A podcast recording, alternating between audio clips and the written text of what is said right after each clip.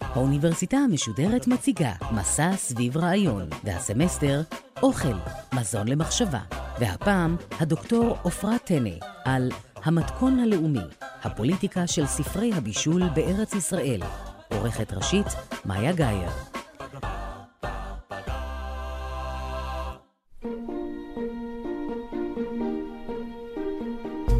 שלום, שמי עופרה טנא, ותחום הידע שבו אני מתמקדת במחקריי עוסק בחיי היום-יום. הכוונה היא לנושאים הנוגעים להתנהלות השגרתית, המובנת מאליה ולעיתים מוצנעת, הבוחנת נושאים הנחשבים אולי לפחות חשובים ופחות בולטים לעין, במקרים רבים מתוקף עיסוקם במרחב הביתי.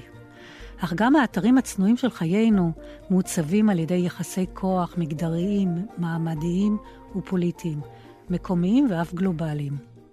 לפעולות המתרחשות במרחב הפרטי יש חשיבות רבה בכל הנוגע לתהליכי הנחלת התרבות הקולקטיבית ביחיד.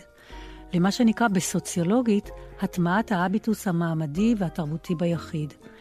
הסוציולוג פייר בורדיה, המבקש להסביר כיצד מוטמע חברתי ביחיד, מצביע על הגיל הצעיר ועל המסגרת המשפחתית כעל האתר שבו הפרט רוכש את ההביטוס, שהוא מערכת מובנית של דגמי התנהלות ונטיות, המוטמעת ביחיד, וכך היא מבנה את זהותו המעמדית. כאן נבקש להרחיב את המונח גם לזהות אתנית-תרבותית. אותה מערכת כללים נתפסת על ידי בני הבית כמערכת היחידה הראויה, והיא מוטמעת באופן כמעט לא מודע בגופם, ומנחה את התנהלותם באמצעות חינוך מילולי ועל ידי מתן דוגמה של חוקי התנהגות בבית, כמו לאכול בפה סגור או לדבר בשקט. בני הבית מתרגמים ומפרשים את הנורמות להן הם חשופים בבית במידות משתנות של קבלה והתנגדות. ככאלה הם פועלים במרחב הציבורי ומותירים את חותמם בו. אולם חשוב לומר, בני הבית אינם שחקנים פסיביים הסופגים את המוטמע בהם כלוח חלק. הם אינם משעתקים את תרבות ביתם מדור לדור, אלא משתתפים בייצור תרבות דינמית וקולקטיבית משתנה, המשלבת במידות שונות את המוטמע ואת החדש. לכן, החלל הדומסטי הוא גם אתר של שינוי, אתר שבו מסורות, ידע הגמוני, וגם מה שהאנתרופולוג קליפורד גירץ מכנה ידע מקומי, ידע של המובן מאליו, המשותף לבני התרבות המסוימת. כל אלה מייצרים באופן מתמיד תרבות חדשה ושותפה לתרבות הקולקטיבית. אחד מאותם מוקדים של חיי היומיום שבהם עסקתי במחקריי, ואשר בו תעסוק ההרצאה, היא ספרי בישול. אבקש להציע ניתוח סוציולוגי שלהם כטקסטים בעלי משקל פוליטי, חברתי ותרבותי. ספרי הבישול מהווים מאגרי ידע לבישול במרחב הפרטי. הספרים מהווים בראש ובראשונה אמצעי למסירת ידע בתהליך הבישול, אודות התקנת מנות. אך הידע, ככל ידע, לעולם איננו תמים. הוא מיוצר בהקשר של זמן, מקום ושל יחסים חברתיים. ספרי הבישול מלמדים כיצד להתקין את המאכלים הנתפסים כראויים למאכל מבחינה תרבותית בקרב הקהילה המשוערת אליה הם פונים. ערכים נוספים אותם ניתן למצוא בספרים, כמו בריאות, עלות המנה, הזמינות של חומרי הגלם ויעילות בהתקנה, עשויים להוות קריטריונים נוספים לבחירת המתכונים. המתכונים אינם מהווים בהכרח עדות נאמנה על מה אכלו אנשים בתקופה ובמקום בו הספר נכתב, אלא מהווים יותר ייצוג של תרבותם הקולינרית של מחברות ומחברי הספרים, וליתר דיוק, של מה שהם חשבו שנכון להציג בפני הצרכנים. ספרי הבישול אינם סוגה ספרותית מודרנית. קבצי מתכונים נמצאו חרוטים על גבי לוחות ממסופוטמיה מ-1700 לפני הספירה. אך הרצאה זו תתמקד במקטע היסטורי מצומצם של הסוגה ספרי בישול. באלה שנכתבו בעברית בארץ ישראל ובמדינת ישראל, החל משנות ה-30 של המאה הקודמת ועד ימינו. הדיון בספרים ייעשה על ציר הזמן, תוך התבוננות בסדר היום המשתנה של מחברי ספרי הבישול. במבט לאחור, השינוי יימצא דרמטי למדי, אך אין מדובר בקפיצות פרדיגמטיות, אלא בתהליך מתמשך שבו רעיונות וגישות שהיו מקובלות בתקופה מסוימת ממשיכות להיות מיוצגות גם במהלך התקופה שאחריה, בספרים שמרניים, אך גם בספרים בעלי אופי חדש. הטקסטים יהוו מעין חלון שדרכו נוכל להתבונן בשינויים החברתיים והתרבותיים שחלו במהלך התקופה.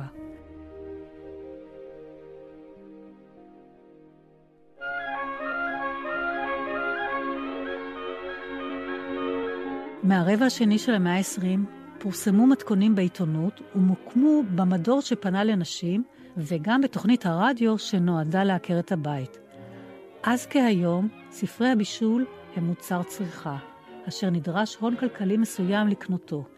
הידע הקולינרי שנמסר בהם לא נועד דווקא למבשלים חסרי ידע בבישול, אלא, ובמיוחד החל מהשליש האחרון של המאה ה-20, לכאלה שיש להם לא רק את האמצעים הכלכליים, אלא גם את ההון התרבותי המאפשר להם להכיר בחשיבותו של הידע, ולכן יעריכו כי מדובר בהשקעה כלכלית ראויה. כלומר, ספרי הבישול בדרך כלל נכתבו על ידי ועבור אנשי מעמדות הביניים. עם זאת, חשוב לזכור כי חלק ניכר מהנשים אליהן פנו ספרי הבישול המוקדמים, אכן הגיעו לארץ ישראל חסרות ידע וניסיון בבישול. הן היו צעירות, רווקות, ללא התנסות בבישול הביתי, ללא התמיכה המסורתית של בעלות הידע בביתן. אך הן נדרשו לבצע את מלאכתן המגדרית, לעתים קרובות בניגוד לאידיאולוגיה המגדרית השוויונית בה דגלו המהגרים הסוציאליסטים, למשל בקיבוצים, תוך שימוש בחומרי גלם זרים בתנאים חדשים, קשים ואפילו מאיימים. עד שלהי שנות ה-60 ראו אור ספרי בישול ספורים, וחלקם היו חוברות הדרכה שפרסמו מוסדות ציבוריים. מאמצע שנות ה-70 עלה מספר הכותרים שראו אור, ובשנות ה-80 הוא מגיע לשיאו. אך לא רק בגלל הגידול הדמוגרפי שחל בחברה הישראלית, אלא גם, ואולי בעיקר, מסיבות תרבותיות. בישול, אכילה ודיון באוכל היו לפרקטיקה בעלת חשיבות בתרבות. מספרם של הספרים ירד אחר כך, אך לא בגלל ירידה ממעמדו של האוכל בתרבות, אלא בגלל שינוי באופני צריכת הידע. ספר הבישול המקומי המוקדם ביותר, על פי קטלוג הספרייה הלאומית, הוא ספרו של דוקטור יעקב נורמן, משנת תרפ"ז, כלומר 1926-7. שמו ספר הבישול, חוקי האכילה והתקנת המאכלים.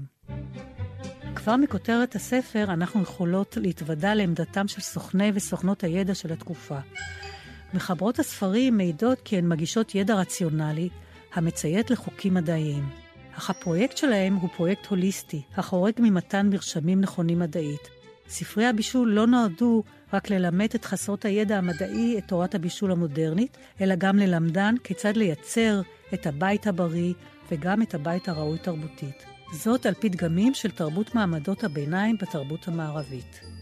מחברות הספרים הציבו בפני הסוכנת החברתית, היא עקרת הבית המודרנית במרכאות, רפרטואר של דגמי התנהלות שאותם עליה לאמץ ולהטמיע בגופם של בני הבית, כדי שיהיו לבני תרבות וכדי שגופם יתחסן ויתרום לקולקטיב הלאומי הנבנה בארץ ישראל.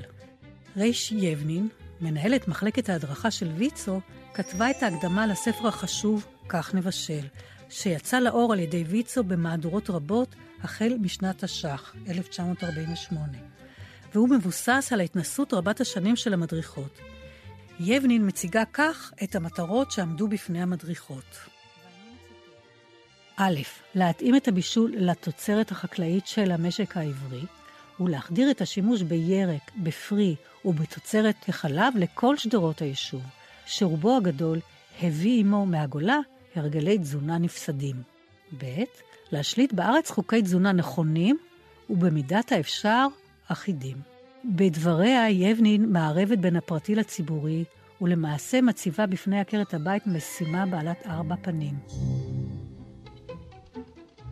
א', ללמד את בנות ישראל לעשות שימוש בתוצרת חקלאית של המשק העברי, כלומר, לפעול כצרכנית מתוך אחריות לאומית באמצעות צריכה של מוצרי המשק העברי, לעומת מוצרים מהשוק הערבי, שעד המרד הערבי היו נגישים לעקרות הבית היהודיות, והיו בדרך כלל יותר זולים, או של מוצרים מיובאים.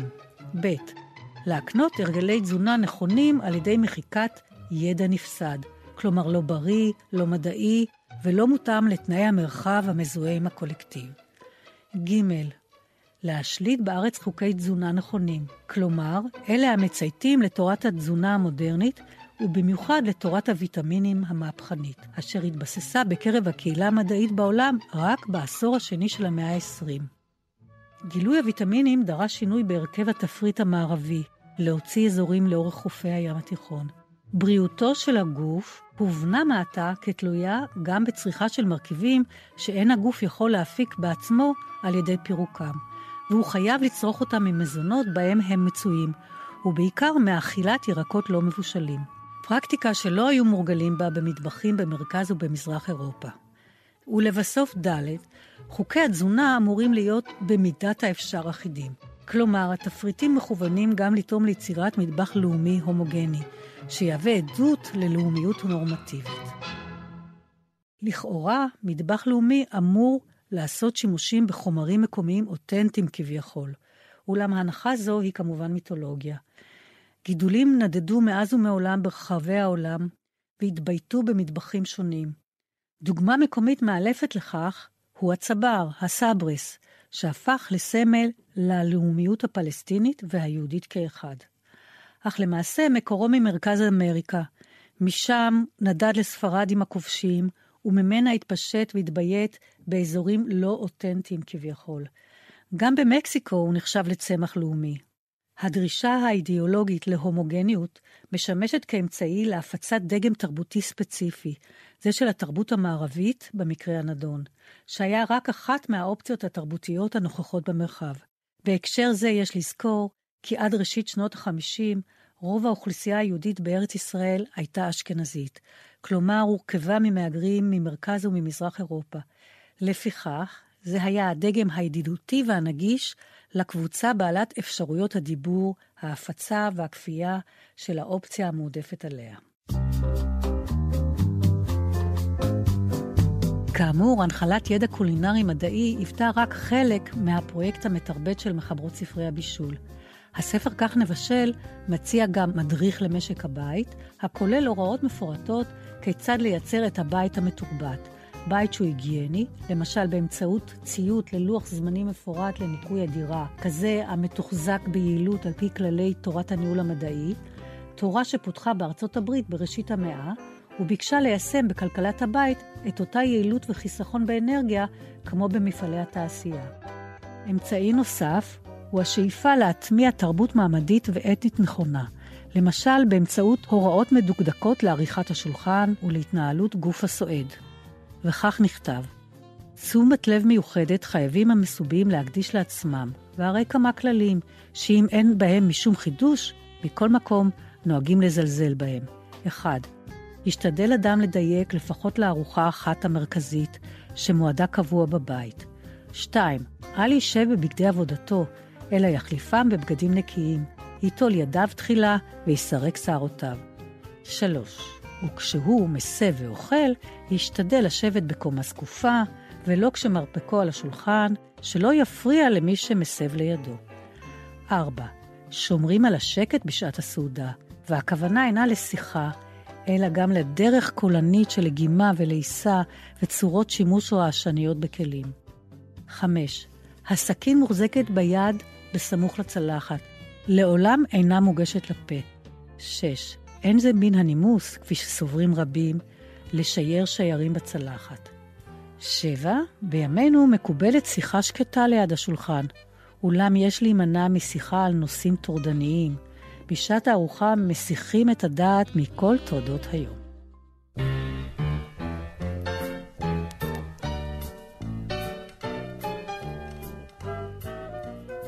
דוקטור ארנה מאיר, שהייתה מומחית נודעת לכלכלת בית בגרמניה, ושימשה בארץ ישראל ובמדינת ישראל כמדריכה ויועצת למוסדות שונים, כתבה ב-1935 את אחד מספרי הבישול הראשונים בארץ, איך לבשל בארץ ישראל.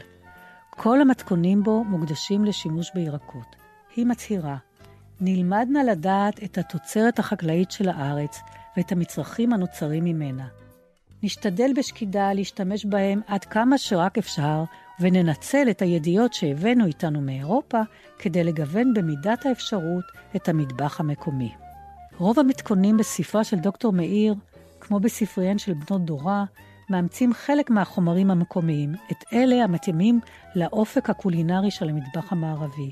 המתכונים של מאיר כוללים את המנה שהייתה למאפיינת המיתולוגית של המטבח הארץ-ישראלי, כבד חצילים, וגם סלט איטלקי המכיל תפוחי אדמה, גזר, סלק, תפוח, מלפפון חמוץ, והיא מפרטת.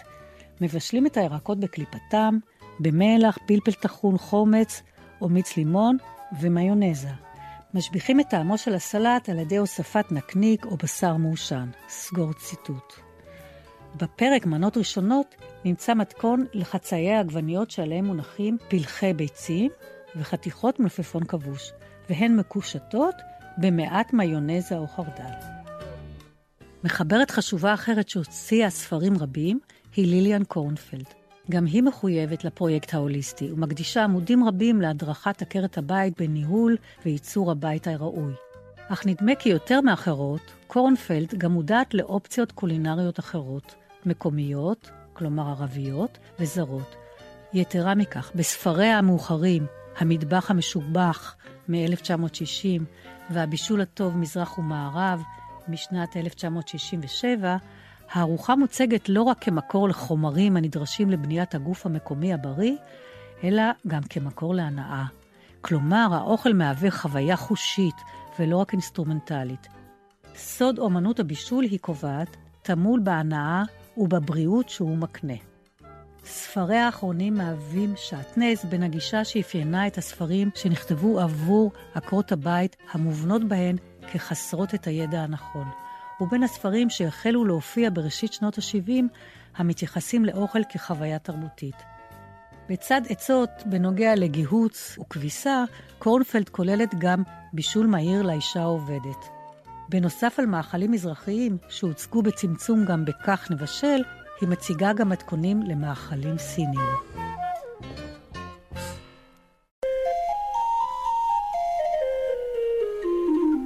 כמו הבישול הטוב מזרח ומערב, כך גם ספר התענוגות של עמוס קינן משנת 1970 מעיד על התהוותה של קהילת צרכני אוכל המבקשת להתנסות במטבח מתוחכם ומענג. ספר התענוגות מהווה מניפסט תרבותי יותר מאשר ספר הדרכה בחיי היום-יום. קינן לא פונה לעקרת הבית, אלא לגבר המבשל. עניין רצוי לתפיסתו בעבור נשים צעירות. הוא לא מקפיד על כשרות, המנות מורכבות גם מחומרים שאינם נגישים כמעט בשוק המקומי, והוא מפיץ אידיאולוגיה נהנתנית. ספר זה מייצג שינויים שחלו בחברה הישראלית בקרב שכבות מסוימות. בשנות ה-70 ובמיוחד בשנות ה-80 עלתה רמת החיים בישראל בקרב המעמד הבינוני, שתרמה להתבססותה של חברה צרכנית. לטענת הסוציולוג אנטוני גידנס, בחברה הצרכנית, סגנון חיים הוא עניין בעל חשיבות מהמעלה הראשונה. הוא מעשה של בחירה. הרשות נתונה ליחיד ליצור מסגרת של התייחסויות, ערכים וגבולות. סגנון החיים מעניק צורה חומרית לזהות העצמית הנרקמת על ידי בחירות יומיומיות, כמו מה ללבוש, מה לאכול. ספרי הבישול היו לספרי הדרכה בתרבות הצריכה. שנות ה-80 היו שנות השיא בהפקת ספרי הבישול, ומהווים עדות להתבססותה של גישה חדשה לאוכל, שבה בקיאות בשדה הגסטרונומי, באמצעות בישול וצריכת אוכל, הייתה למסמן של הון תרבותי. המחברים סיפקו ידע עבור אינדיבידואלים בני המעמד המשקיע בסגנון חיים ובהתנסויות חדשות. הם הציגו אופציות חדשות של היבדלויות תרבותיות, המטשטשות גם את הגבולות שבין הגבוה לנמוך ובין הנורמטיבי לחריג. מאותה עת, הארוחה בבית אינה מיועדת רק לבני המשפחה. היא מהווה לעתים אירוע חברתי שבו המארחים מפגינים את תחכומם הקולינרי. את הארוחה שנועדה לעיני זרים מבצע עתה גם הגבר החדש. שחקן חדש במטבח, המפגין באירועים אלה את הונו התרבותי. מחברי הספרים אינם נותנים כמעט את הדעת על ערכן התזונתי של המנות. הם מציעים בעיקר חוויה, החוויה הקולינרית עשויה להיות מוצר המוצג בפני האורחים, כמו בספרו המיתולוגי של רות סירקיס מ-1975, מהמטבח באהבה. היא יכולה להוות מוצר המציע התנסות בתיירות שולחן האוכל, מושג שטבעו הגיאוגרפים ב וולנטיין, שבאמצעותה ניתן לצרכן לשוטט במרחב הגלובלי המצטמצם ולצרוך את האחר על פי מתכונת מוכרת ומנוסחת תחת הכותרת המטבח האיטלקי, המטבח הסיני או המטבח הצרפתי, כשם כמה מספריו של ישראל אהרוני. ספרי התקופה מציעים גם את הארוחה כתפאורה לאווירה ולסגנון חיים נבחר, כמו למשל הספר טעם של קיץ של בני סיידה מ-1987.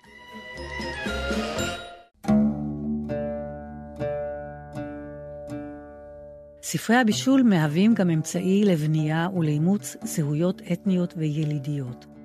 עד הרבע האחרון של המאה ה-20 החזיקו הממסד וההגמוניה בעמדה הדוגלת ברעיון כור ההיתוך, שמשמעותו בפועל הייתה הדרישה מיוצאי ארצות האסלאם לאמץ את דגמי התרבות המערבית, כפי שהיא הובנה על ידי יהודים ממרכז ומזרח אירופה.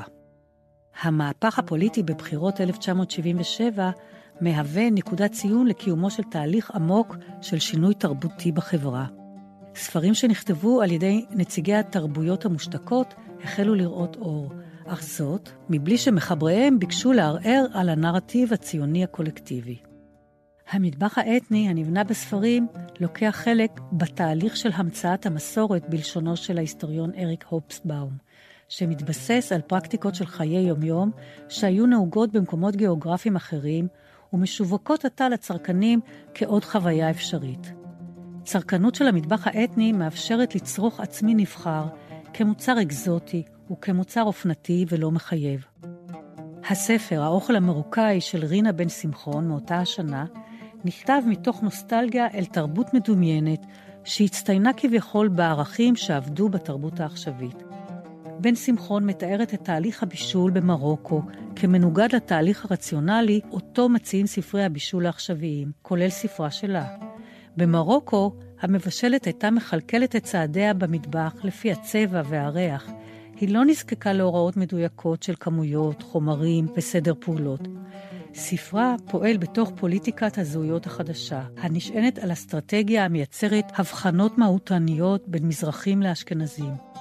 הישראלית של שנות ה-80 אמורה להיות מכוננת כמצרף של קטעים לכדי שלם שאיננו מטשטש את מרכיביו. בן שמחון כותבת את ספרה מתוך עמדה של כוח חברתי, פוליטי, והכרת ערך מסורתה. היא איננה אובייקט לתרבות ולהקניית הידע של המדריכות של ויצו. היא יודעת לבשל היטב לפי קנה המידה של קהילתה והן של התרבות הצרכנית.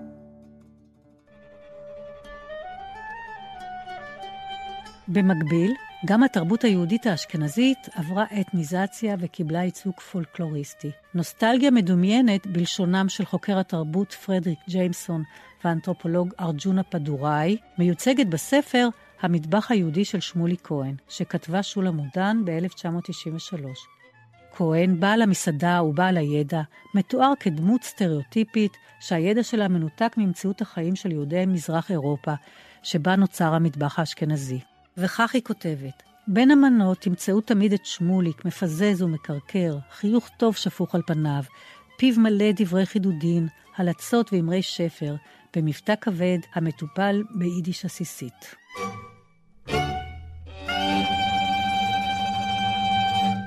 מקומיות הייתה לעוד אופציה של זהות הניתנת לרכישה בשוק. כך למשל בספרם של גיל חובב, איילת לטוביץ' ודליה פן לרנר, שמש ים ואוכל גם, בישול ים תיכוני משנת 1998. המקומיות של המחברים מייצגת סגנון חיים עליו נמנים בני המעמד, בעל היכולת הכלכלית והתחכום התרבותי, שכבר התנסו בחוויות קולינריות מתוחכמות ברחבי העולם. אך הם רוצים גם לחוות את הייחודיות של מרק הדגים ביפו, או של טעם המלפפונים החמוצים במגדל העמק. השינוי המתמשך והמשמעותי בחלוקת התפקידים המגדרית במהלך החצי השני של המאה ה-20 ניכר בספרי הבישול. שיעור ההשתתפות של הנשים בשוק העבודה הלך וגבר.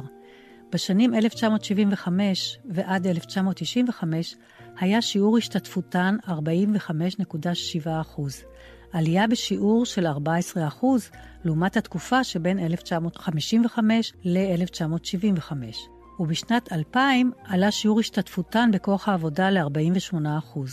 קורנפלד כבר מצאה לנכון לייעץ לנשים העובדות בשכר עוד בשנות ה-60, אך מתן מענה לצרכיה הייחודיים של האישה העובדת במשמרת הכפולה, בלשונה של ארלי הוכשיילד, כמעט ולא העסיק את מחברי הספרים. עם זאת, למרות שספרה של סירקיס, מהמטבח באהבה, פונה לנשים ונועד לבישול האירועי, היא הצהירה בריאיון שהתפרסם בהארץ בשנת 2000, התפיסה שלי היא שיש ילדים בבית ומישהו צריך להאכיל אותם. ככל שהמתכון יהיה טעים, קל וברור יותר, זמן ההכנה יהיה קצר יותר. וחוץ מזה, אני לא מאלה שמתנגדות לאוכל קפוא או להזמנת שליחות מבחוץ. ואכן, ספריה הרבים הבאים כתובים באופן ניטרלי מגדרית, והדיוק והבהירות של הצגת המתכונים והוראות הבישול אפשרו לכל חסר ידע לעמוד באתגר, ובמיוחד לנשים שהמשיכו וממשיכות להיות לאחראיות על אספקת האוכל לבני הבית, לבצע את משימתן המגדרית. גם דרך הצגת המתכונים שהציגה סירקיס, והפורמט האלבומי של ספריה, היו לנוסחה שהפכה לסטנדרט בספרים שבאו אחריה. ואולם, גם ספרי הבישול שכן פנו לעובדות במשמרת הכפולה, לא היו מיועדים לפועלות הייצור וחברותיהם למעמד, אלא לנשות מעמד הביניים, אלה שעובדות בשכר וגם מודעות לערכו התרבותי של האוכל בקהילתן. ספרה המצליח והמוצלח של שולה מודן, בישולה, מ-1999, שנכתב לפי הצהרתה מתוך פנקס המתכונים האישי שלי, מייצג את חיי היומיום של נשים כמוה. המבשות לבני הבית, ובדרך כלל בהנאה, הן גם מארחות וגם מכירות את התרבות הקולינרית של דורן. ספרה מציע מתכונים פשוטים להכנה, חסכוניים בזמן, שאינם שמים בראש דאגותיהן את ערכם התזונתי של המנות. היא מציעה למשל מתכון לעוף בקוקה קולה, וסלט שועית ושועית ושועית, המורכב משילוב של שלושה סוגי שועית בצבעים שונים מקופסאות שימורים שוריות ברוטב. מודן מציגה מגמה שתאפיין את בני הדור שאחריה. היא אינה מחויבת לרפרטואר מנות או חומרי גלם בעלי אופי מוגדר ומסומן, כמו סיני, בית אימא או ישראלי. היא עושה שימוש המשלב בין המרכיבים הנגישים בשוק ומייצרת מטבח ידידותי למבשלת ולבני הבית, שמעיד על מודעות למטבחי העולם, וכולל גם נוסטלגיה לבישול היהודי האשכנזי המסורתי, ממנו מודן באה, כעוד אופציה מרעננת.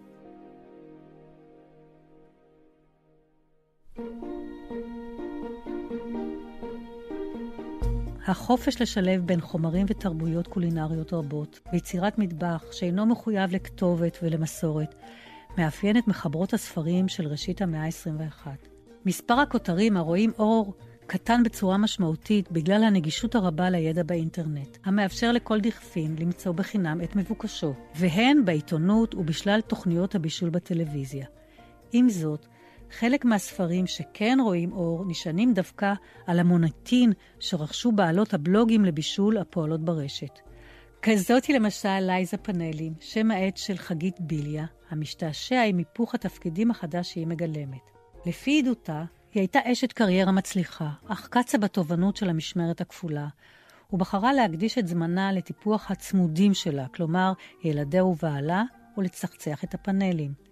ביליה מציגה דמות של עקרת בית בנוסח שונה מעקרת הבית המקצועית של דוקטור ארנה מאיר. בשעה שהיא מתמסרת לצמודים, מתוך מודעות גם לטורח ואי הנחת של ההתחייבות, היא פיתחה בלוג אוכל מצליח מאוד, שצד את עיניהם של אנשי הוצאת מודן. המנות של ביליה מאפיינות את המטבח הישראלי העכשווי, שזוכה להכרה בשדה הגוסטרונומי הבינלאומי. היא כותבת עבור קהל אומניבורי, הצורך הכל, כשהיא משלבת בין חומרים מרחבי העולם הנגישים בשוק המקומי, ויוצרת מנות שאינן מחויבות למקומיות או למסורת נוסטלגית, ויוצרת תפריט שאפשרי רעיונית ומעשית במרחב, למשל, סיר של מקלובה אסיאתית, ולצידן מנות כמו קני דלח על הדרך, שיכולים להשתלב בציר מרק עוף מסורתי. הבחירה של ביליה ואחרות לרכוש את עונן באמצעות טקסטים של השדה הקולינרי אינה בלתי מודעת ואינה מעידה על נסיגה ביחסים המגדריים בראשית המאה ה-21. הן פונות לנשים וגברים הנמצאים במצב המורכב, הדומה לזה שלהן, ואמצעי התקשורת החדשים והוותיקים מאפשרים להן לרכוש הון כלכלי ותרבותי בחברה שמעניקה פרסים, בלשונו של בורדיה, למומחים בשדה הקולינרי. לסיכום, במהלך הדיון ביקשתי להראות כיצד השתנה סדר היום של מחברי הספרים כחלק מתהליכים חברתיים רחבים בהם הם נטלו חלק. רובנו אמנם לא חושבים על המדינה כשאנחנו מבשלים. אולם המעבר שעברה ישראל מכור ההיתוך לצורך כינון בית לאומי לחברת צריכה גלובלית ונהנתנית, בהחלט נשקף מספרי הבישול שלנו.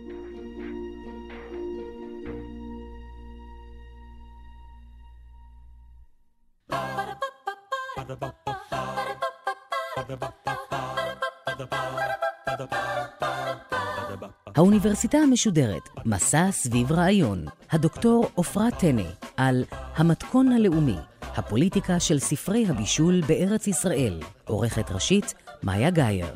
עורכות ומפיקות עמליה נוימן ונוגה סמדר. האוניברסיטה המשודרת, בכל זמן שתרצו, באתר וביישומון גלי צה"ל ובדף הפייסבוק של האוניברסיטה המשודרת.